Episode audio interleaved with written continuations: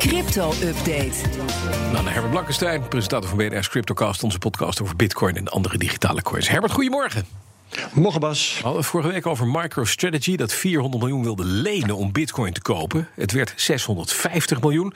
En er volgde een hele discussie over crypto-enthousiasten... over de vraag of je bitcoin moet kopen met geleend geld. En zelfs de bedenker van Ethereum, die bemoeide zich ermee, begrijp ik. Precies, eh, dat is Vitalik Buterin, een godheid onder cryptofans.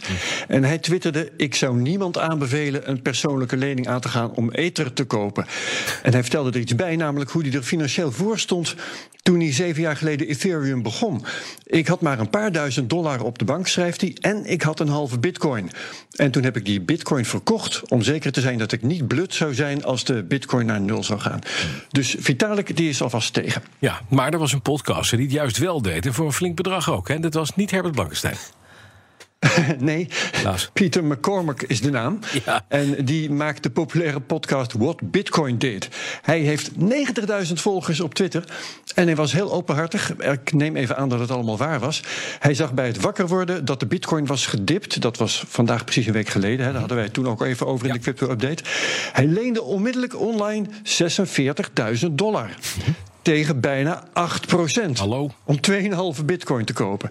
En ja, zolang dus de bitcoin jaarlijks meer stijgt dan dat percentage, zit hij in de plus. En wat is nou grappig? Eh, De diversiteit van de reacties op Twitter. Er waren mensen die hem voor gek verklaarden. Anderen eh, hadden vooral aanmerking op dat rentepercentage. Dat vonden ze aan de hoge kant. En er waren medestanders die hem feliciteerden. En eh, zelfs vroegen waarom hij niet meer had geleend. En het antwoord, als je dat zou willen weten, hij kreeg niet meer. Toch, ik hoop dat hij die 8% heeft. Een interessant bericht. Een enquête onder bitcoin-investeerders wijst uit dat de helft verwacht dat over 10 jaar de bitcoin niet meer waard zal zijn dan nu. Ja, gek hè, tenminste. Ja, de enquête is Ja. gedaan door een eh, miningbedrijf. Dat heet Genesis. En het is ja, inderdaad een verrassende uitkomst. De crypto nieuwsite, Cointelegraph... die noemt het zelfs een shock survey. Waarom beleggen mensen in bitcoin als ze geen waardestijging verwachten? Mijn vermoeden is, het maken van een onderzoeksverslag kost tijd. De vraag is wat mij betreft, wanneer is eigenlijk die enquête zelf uitgevoerd? Stel dat dat twee, tweeënhalve maand geleden was. Toen was de bitcoin half zoveel waard als nu. Ja.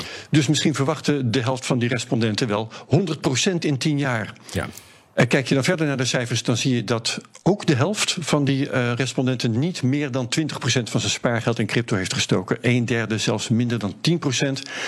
Dus het lijkt er in elk geval op dat de meerderheid geld in bitcoin steekt op een verstandige manier, namelijk een klein deel van je spaartegoed. Precies. En Wat zit er deze week in de CryptoCast tenslotte? Ehm, we praten met blockchain-expert Bas Wisseling. Die heeft een studie gemaakt over het belang van privacy. En met hem gaan we dat toepassen op de crypto-wereld. Met een bitcoin die lang zo anoniem niet is als vroeger werd gedacht. En met diverse privacy-coins die er intussen zijn. Morgenmiddag is dat beschikbaar. Dankjewel, Herbert. Alle afleveringen van de CryptoCast te beluisteren via de BNR-app, bnr.nl of je favoriete podcast-app.